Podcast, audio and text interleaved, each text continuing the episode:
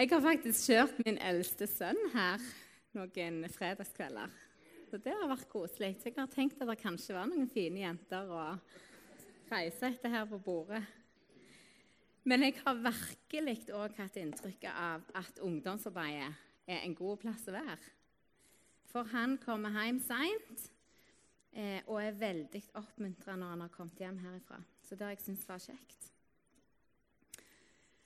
Eh, og, altså meg og min familie har hatt en stor eh, investering i år. Og det var at vi skulle reise til India. Og heldigvis hadde jeg forberedt meg godt, i alle fall, for jeg elsker historier. Og det gjør ungene òg. Og jeg vet at alt blir lettere med god historie. sant? Så jeg hadde lest meg godt opp, bl.a. på mor Teresa, før vi reiste. For jeg tenkte at hva kan vel motivere oss mer enn en god historie om mor Teresa, som hadde levd eh, i India i mange år. I dag henger det et bilde av mor Teresa i stua vår. Og det er rett og slett fordi at jeg ble så inspirert av det jeg leste, at jeg måtte ta det med meg videre. Og det siste halve året så har historien om henne fått en mye større plass i vår heim. Og jeg har lyst til å fortelle dere en historie fra det som jeg leser om henne, som, som har grepet meg, rett og slett. Altså, Mor Teresa hun eh, opplevde jo et veldig kall til å reise til Calcutta i India for å jobbe med de spedalske. Og hun, eh, altså De spedalske det var jo Når første blemma kom, sant, det vet dere, så var det ut av huset, stengte dører, uten penger, uten mat, uten arbeid. De sto helt alene. Og mange av de som ble spedalske, de levde jo et forferdelig liv i India. Helt alene, og mange andre plasser i verden. Men Puttens alene, og mange av de lå langs grøftene og døde langs veien helt alene. Ingen kunne røre dem. kunne... De trodde jo nesten ikke at de kunne snakke til dem. sant? Så når første blemma var kommet, så var det ut og alene. Og Sånn var det òg med mange andre sykdommer. Eh, når de ble syke eller gamle og ikke kunne eh, være til noen nytte, så var det ut på gata alene for å dø. Og Mor Teresa hun, eh, hadde jo et sånn spesielt kall til de spedalske og, og jobbet mye med dem og gjorde store, store ting for dem. Men en historie. Hun var på vei til et av, av disse heimene for de spedalske. Når hun går langs veien, så ser hun i den ene grøfta at der ligger et menneske eh, som hun trodde var død. Og rottene har allerede spist hull i huden og begynt å gnage på ham. Så hun går bort egentlig først og fremst for å skremme vekk disse grusomme rottene som satt og gravde på han og spiste. Og så setter hun seg ned på kne, og så så hun at herlighet, denne mannen er ikke død. Han puster fortsatt. Så hun setter seg på kne og begynte å stryke ham på skjeggen. Og kjente bare at dette gjorde uendelig vondt. sant? Eh, så hun bestemte seg der og da for at dette må jeg gjøre noe med. Så hun gikk rett til, til de som styrte i byen, og sa dette er et stort problem. Der ligger folk langs grøftene her og dør. Og rottene gnager på dem ikke, før de er døde. Sånn som dette kan vi ikke ha det. Vi er nødt å gjøre noe med dette problemet. Og De som styrte byen, var selvsagt helt enige i det. Dette må vi gjøre noe med. Få de vekk ifra Folk vil ikke se på dette grusomme. Sant? Få det vekk. Ut av byen. Jeg kan hjelpe dere, sa mor Therese. Hvis dere lover meg et stort bygg, så skal jeg hjelpe dere med dette. De ga henne selvfølgelig et gedigent bygg sant? ut av byen. Hvis du kan hjelpe oss med å få dette problemet ut av gatene, så er det bra. Så slipper fine folk i India å se på at det ligger folk og dør i grøftkanten. Eh, det ble starten på det som mor Teresa kalte for Dødens hus.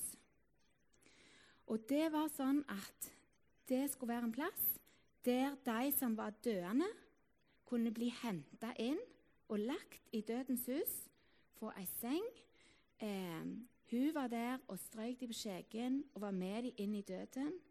De fikk vann når de skulle trenge det. Hun kviskra til dem 'Du er ikke alene. Vi er med deg.' Hun ba med dem.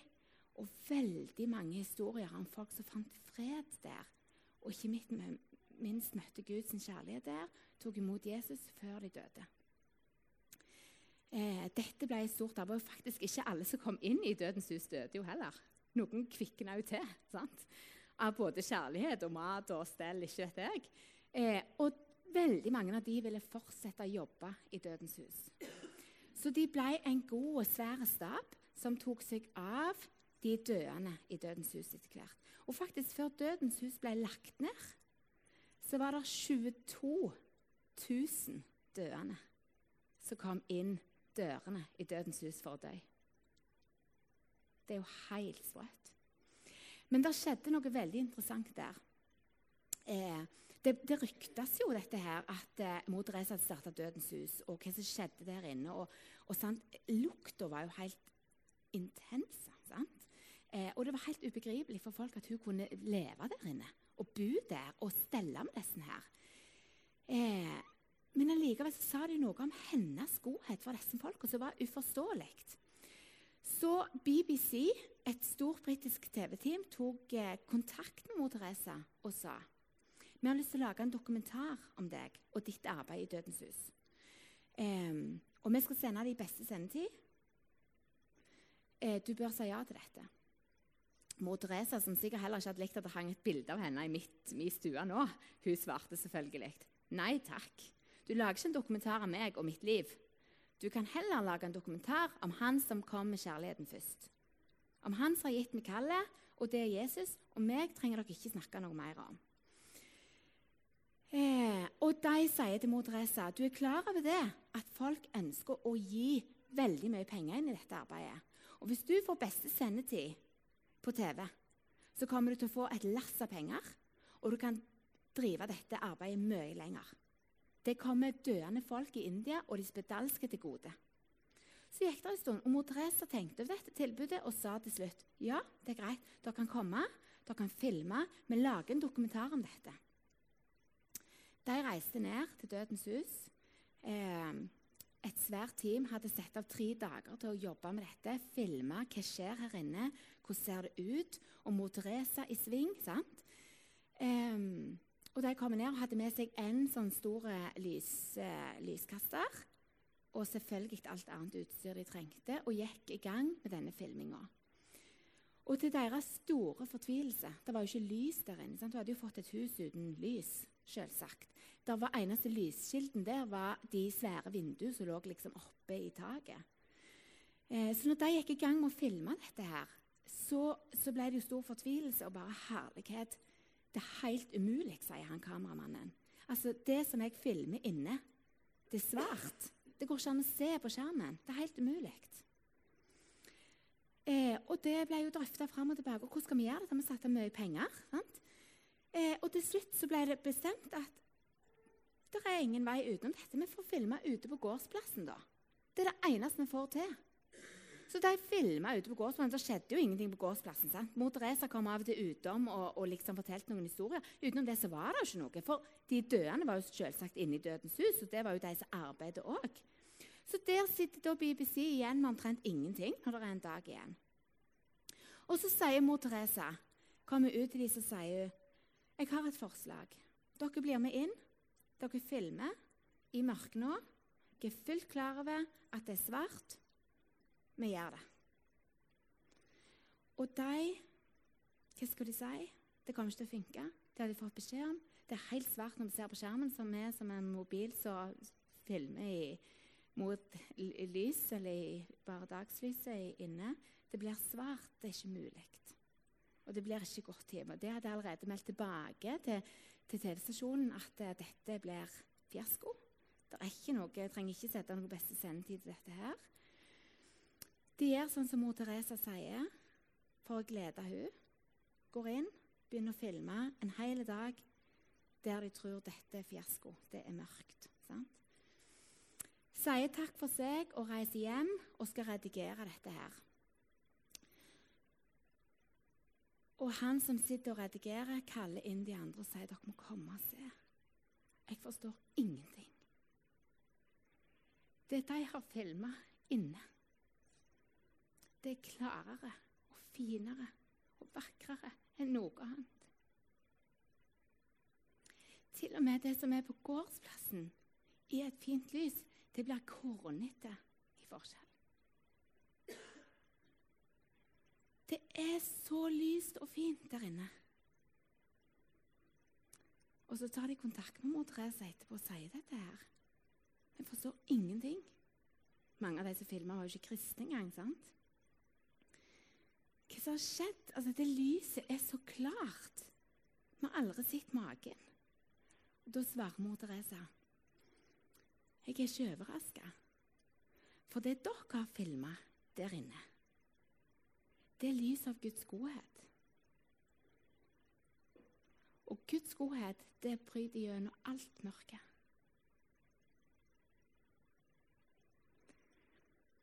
Det fikk selvsagt eh, beste sendetid, og det kom inn mye penger. Men det som satt igjen hos folk, og for de som hadde jobba med dette, var Guds godhet brøt gjennom alt mørke. Det var ikke svart på den skjermen. Det var klarere enn noe annet lys.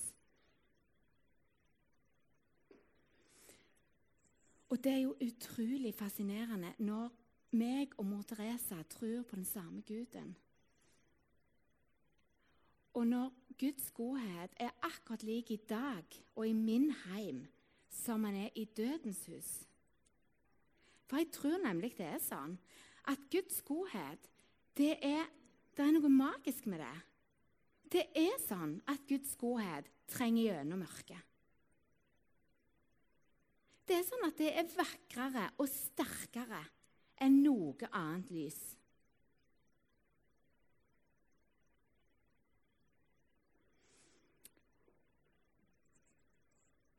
Det hadde utrolig store konsekvenser for mor Teresa sitt arbeid, måten hun tenkte om Guds godhet på. Og det hadde utrolig store konsekvenser for de døende i India, og for de som var spedalske i India. Fordi mor Teresa trodde at hvis jeg gir Guds godhet videre, hvis det er Gud som får virke gjennom meg,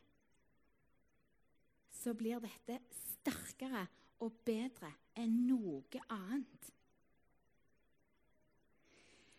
Så når jeg hadde fortalt denne historien til guttene da, hjemme, så eh, hang vi opp et bilde av mor Teresa i stua, og så sa vi altså dette må jo ha store konsekvenser for måten vi er en heim på. For det samme vil jo skje i vårt heim når Guds godhet blir gitt inn i et mørke. Både i vårt eget mørke, i andre sitt mørke. Altså, Det skjer noe som er helt hinsides, som ikke kan forklares. Og jeg ønsker virkelig at det skal ha en betydning for måten jeg driver, driver min heim på.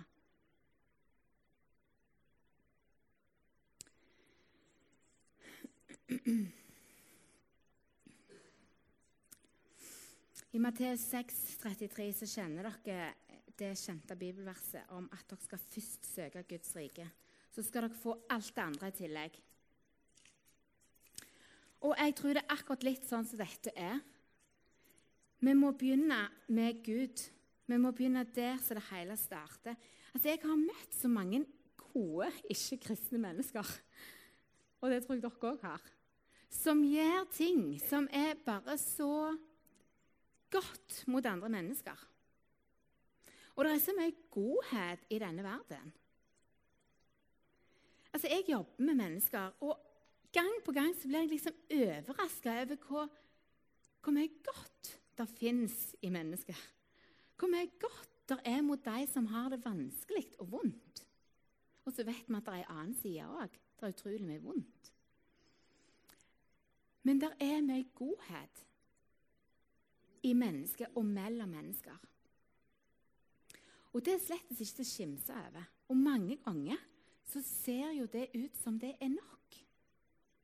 Det å være god med en annen, et annet menneske. Uten at det er Guds godhet. Det er mennesket. sant? Det ligger noe godt i oss som er skapt av Gud. All godhet kommer fra Gud.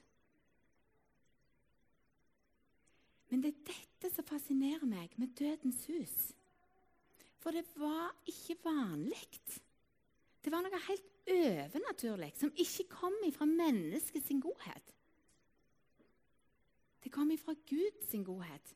For det er bare den som kan bryte gjennom mørket.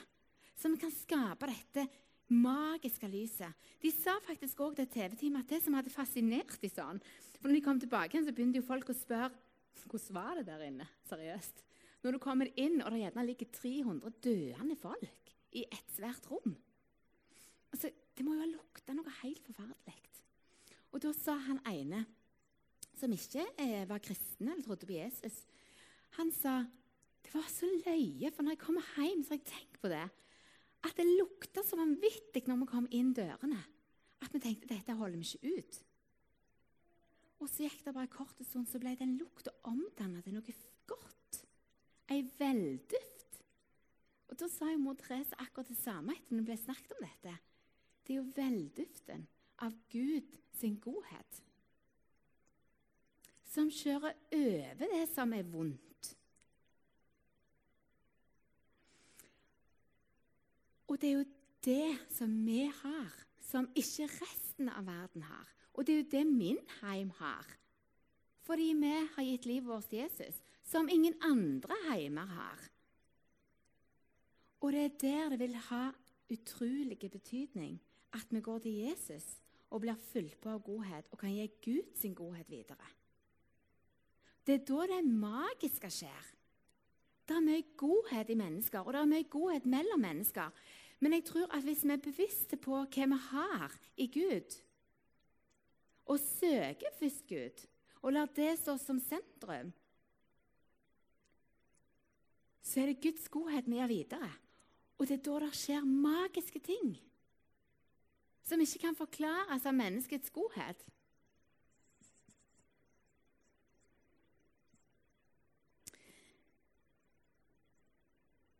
Jeg har vært litt sånn opptatt av et bibelvers eh, det siste uka. Fordi at jeg, jeg våkna en dag, og så var jeg spinnfodle av et grusomt utslett.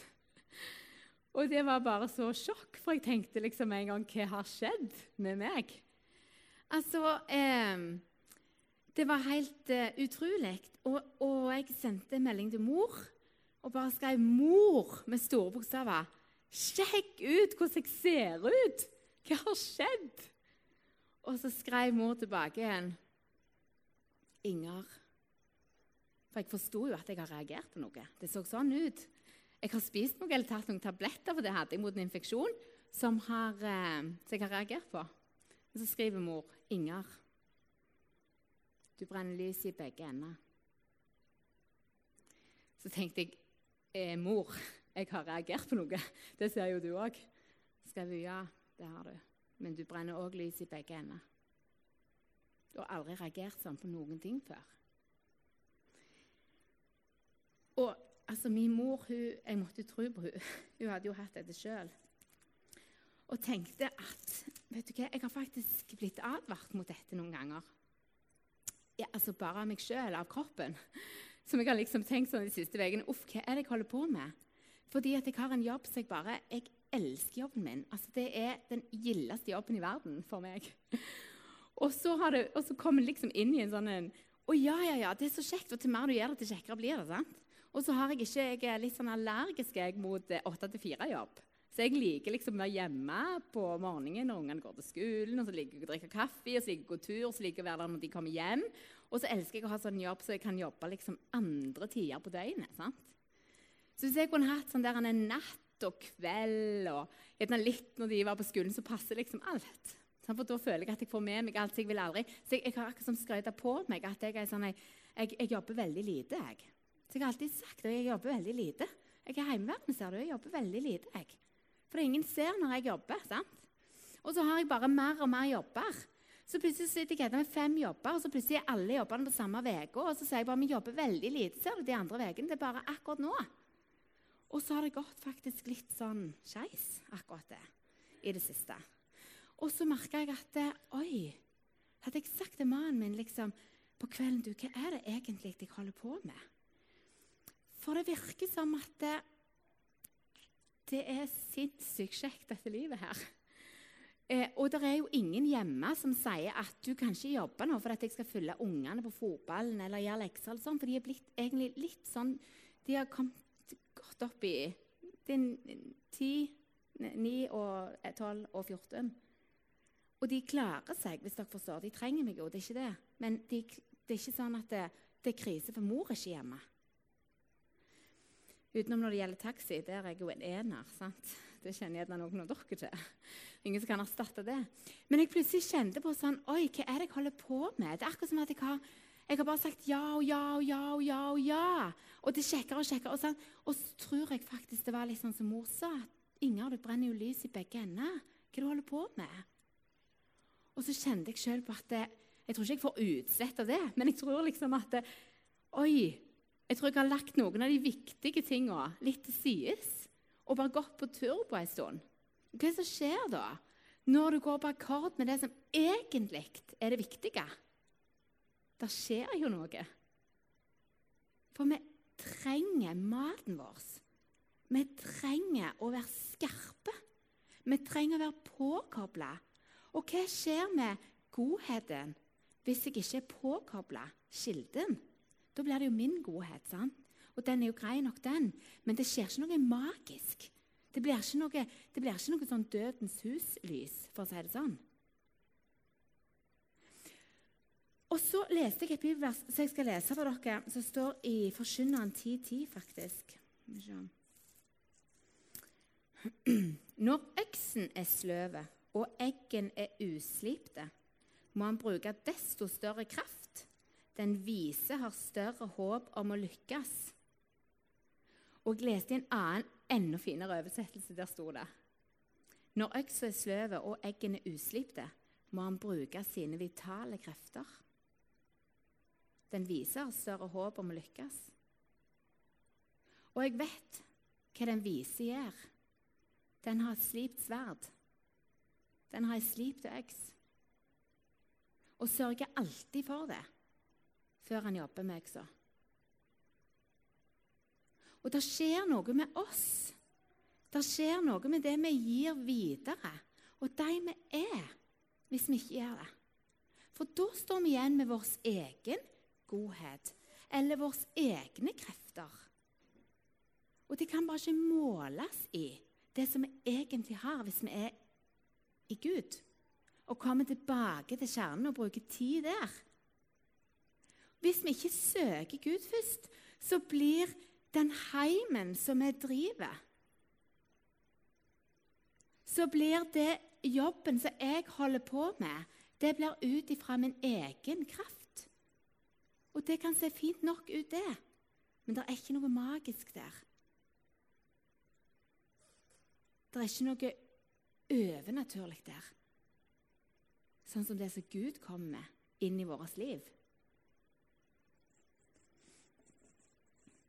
Jeg skal vise dere et bilde som henger på i stua vår. Så kanskje noen har sett dette før, for det har jeg hatt ute før. Um, og det er, er, jo vakkert, selvfølgelig. Og ikke fra en flink maler. Og når jeg kom hjem til guttene og sa har dere sett noe så vakkert det skal henge i stua, så var det bare Nå har hun mor klikka, liksom. Men jeg så noe i dette bildet som var min heim og drømmene våre. Og dere skal få se det. Var ikke det fint? Hæ? Forstår dere litt hva guttene mente? Nå har hun mor klikka. Altså, det er seks knuste pærer og ei som lyser. Og jeg bare Gutter, forstår dere ikke dette bildet på hvem vi skal være? Dette er vårt heim. Altså, Hvor mye har ikke den pæra å si for dette bildet, den som lyser? Hvis den pæra ikke lyser, hadde jo dette bildet vært svart. sant? Det hadde ikke vært noen ødelagte pærer å se. For det er jo den som viser hva som er ødelagt. Og hvis ikke den ene pæra hadde lyst, så hadde det ikke vært noen ting. Og min teori på dette, for det er jo veldig merkelig at ei pære fortsatt lyser når seks stykkene er knuste. For jeg tror nemlig ikke Det kan jo være noen som er sinnssykt gode å hive ball. Men hos oss pleier det å være sånn at eh, hvis du hiver fotballen inn i stua som ikke er lov, så boff, så knuser jo alt. sant? Det står ikke en tallerken igjen eller et glass igjen i skapet. Og det tror jeg ikke har skjedd her heller. At hun tok ei og ei. Jeg ser mer for meg dette. Det virker jo sinnssykt fristende sant? å dra ei opp og så bare slippe den sant? Og så knuse alt. Og jeg tror kanskje at det har skjedd her. Og jeg tror at denne pæra her Det er ingenting som tilsier at den skulle vært spart for alt som kunne knuse henne, eller for alt vondt. Jeg tror mer at den pæra har vært utsatt for det samme som de andre pærene har vært utsatt for uten å knuse. Og Det er noe litt magisk med den pæra som fortsatt lyser, uten noe skår eller noe som er ødelagt i. Og jeg opplever ikke at, og det gjør sikkert ikke dere heller, at vi som er gitt livet vårt til Jesus, at vi er skånt for det som er vondt. Det står jo faktisk stikk motsatt. Men for en funksjon den pæra har, som er kobla til Guds kraft, og fortsatt kan lyse opp i mørket. Altså, det hadde vært umulig å finne retning uten den pæra. Det hadde vært umulig å finne ut hva andre pærer som var knust, eller hva som var problemet, uten den pæra. Den pæra er jo alt. Og det drømmer jeg om for min heim òg. Ikke en heim som blir spart for alt det vonde, selv om vi skulle ønske oss det. Men det er liksom uoverkom, det, det går ikke an. Gud har ikke sagt det skal være sånn. Men at vi kan få være ei lysende pære i det som er vondt og mørkt. Og det krever jo selvfølgelig har sin pris, uten tvil. Men jeg tror bare det kan lede så mange til sannheten og tilbake til Gud, til kilden. Hvis vi kan gå i Gud og finne kraft, søke først Guds rike, sørge for at vi har slipte sverd, og bygge livet vårt på Guds kjærlighet. For så kan heimen vårt se sånn som dette ut. Jeg tror at en heim som er gudfryktig, det har Gud sin beskyttelse. Ikke dermed sagt at vi er spart for alt vondt, men det er under Guds beskyttelse. Det har han lovt. Men et gudfryktig hjem, det er òg under Guds myndighet. Så det vil si at det er på en måte ikke bare jeg som kan styre en heim som skal være kobla til Gud i alle ting, etter mitt ved og etter det som jeg syns passer det best. Det er under Guds myndighet hvis jeg òg skal forlange for å være under Guds beskyttelse. Og da bør det influere alt i den heimen. Måten vi tenker på, måten vi inviterer inn på, måten vi oppfører oss på, måten vi pynter på, måten vi bruker pengene på. Det må være, Og det, det skal jo ikke være likt. Det er jo ikke sånn at alle er kalt til de samme tinga. Men det må være kobla på Gud. Og det tenker jeg for min egen del òg. Altså, jeg må sørge for at mine sverd er slipte. Jeg har ansvaret for å gå til kilden og passe på å søke Gud først. Og hvis jeg ønsker å være god mot andre mennesker, så må jeg først gå til Gud og søke Gud alltid. Og fylle meg på sjøl og slipe mine egne sverd. for at dette skal være så kraftfullt som Guds godhet er, og som det viste seg så tydelig i dødens hus.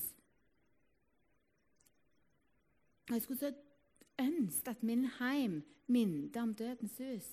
Selvfølgelig ikke stappfullt av døende folk. Men at det var en plass å komme som var godt å være når det var mørkt. Ikke bare for de som kommer utenat, men òg for mine egne. Og Jeg skulle ønske at det hadde den effekten på mitt, mitt mørke. Og de gangene jeg kjenner at det, ah, det er så drit Livet er ikke alltid sånn som vi skulle ønske det var. Men med Guds godhet så vil det bryte gjennom mørket. Og jeg skulle ønske at de som kom inn hos oss, det sier jeg jo av og til til guttene, og minner meg sjøl på Når vi møter mennesker, så får de noe av Gud, For vi har Gud. Vi har Guds godhet. Vi er kobla på. Så når vi møter noen og sier hei til noen, gjør noe for noen, møter noen, ser på dem, så er det litt av Guds godhet hvis vi passer på å være kobla på. Og det er for ei makt, egentlig. For ei kraft. Og det må vi ikke undervurdere. Og når vi sitter i, jeg tenker liksom i flotte heimer, hva vi har potensialet til, så er det jo helt enormt. Det forsto jo mor Teresa litt om. at det var overnaturlig, og at det kunne skje store, store ting der. Og Det kan en gjerne av og til kjenne på òg når jeg møter noen mennesker som er sånn oppriktig interessert. sant? Eh, og Av og til kan jeg tenke sånn Jeg tror han må være en kristen. Og det er ikke fordi det ikke finnes godhet eller oppriktig interesse i mennesket. For det gjør det Gud har skapt oss. Han har skapt masse godhet i verden. Mennesket evner til å elske og til å møte andre mennesker. Men jeg tror vi alle, hvis vi vet hva Guds godhet representerer, av og til kan kjenne på at det er der.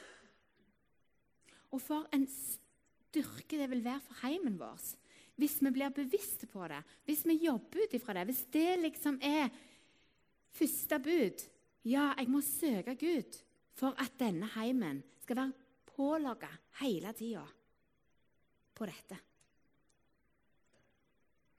Min sønn på, på 14 han hadde bare et så nydelig bilde for noen år siden.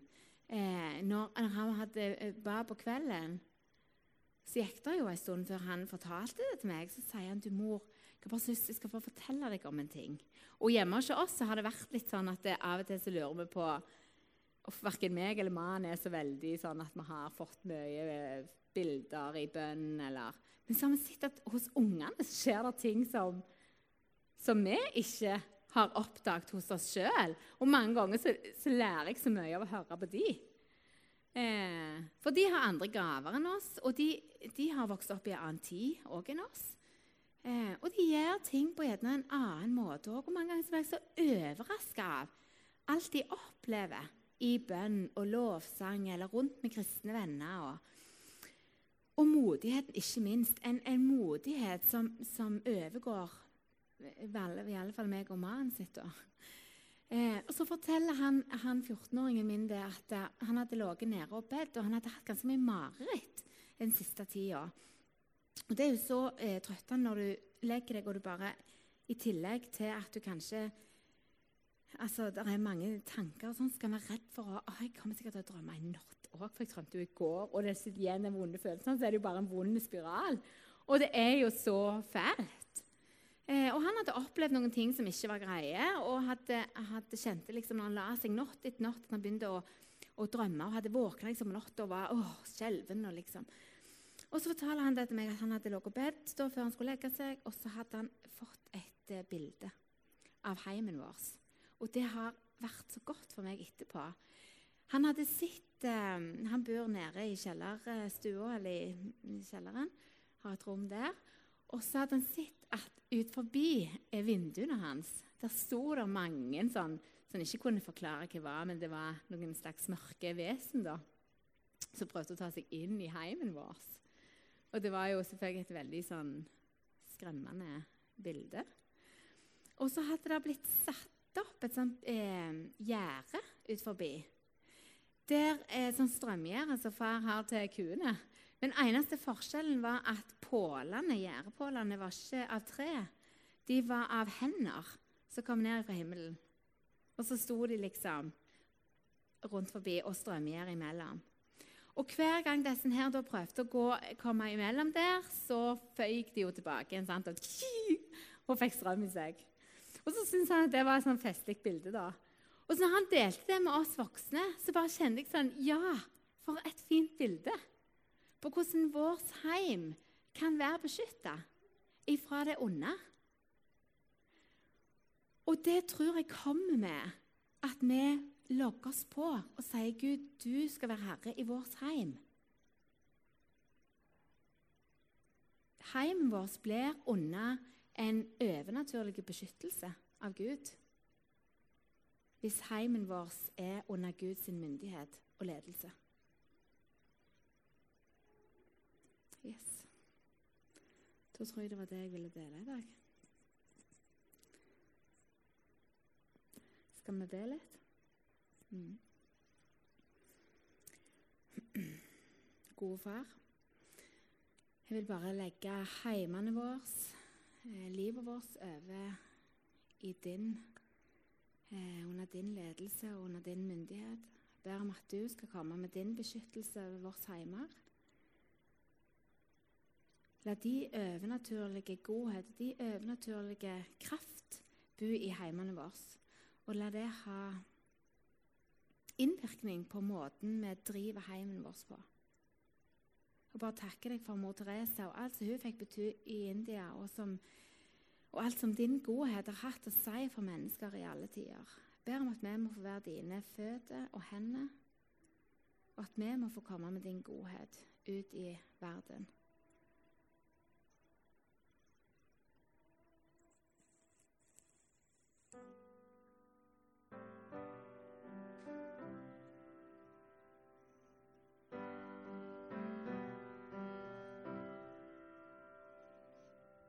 You're singing over me when I don't have a song left to sing. You sing. You fight my enemies when I don't have the fight left in me. You fight for me. You make a way when I can't find one. My freedom is coming. Oh, freedom is coming. Oh, I can feel it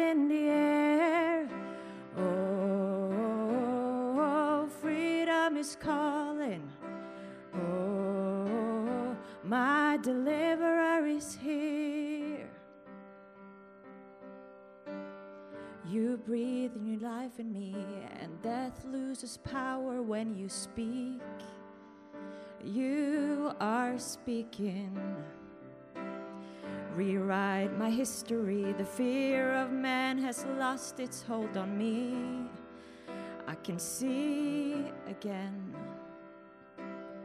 You make a way when I can't find one. My freedom is coming. Oh, freedom is coming. Oh, I can feel it in the air.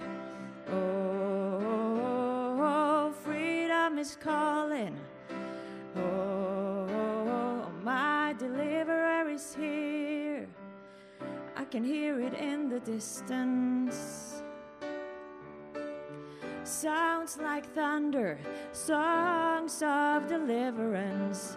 I can feel it, heaven breaking through, praise is rising. We're singing back to you. I can hear it in the distance. Songs like thunder, songs of deliverance. I can feel it, heaven breaking through, praise is rising. We're singing back to you. We're singing back. Oh, freedom is coming. Oh, I can feel it in the air. Oh, freedom is calling. Oh, my deliverer is here. Oh, freedom is coming. Oh, I can feel it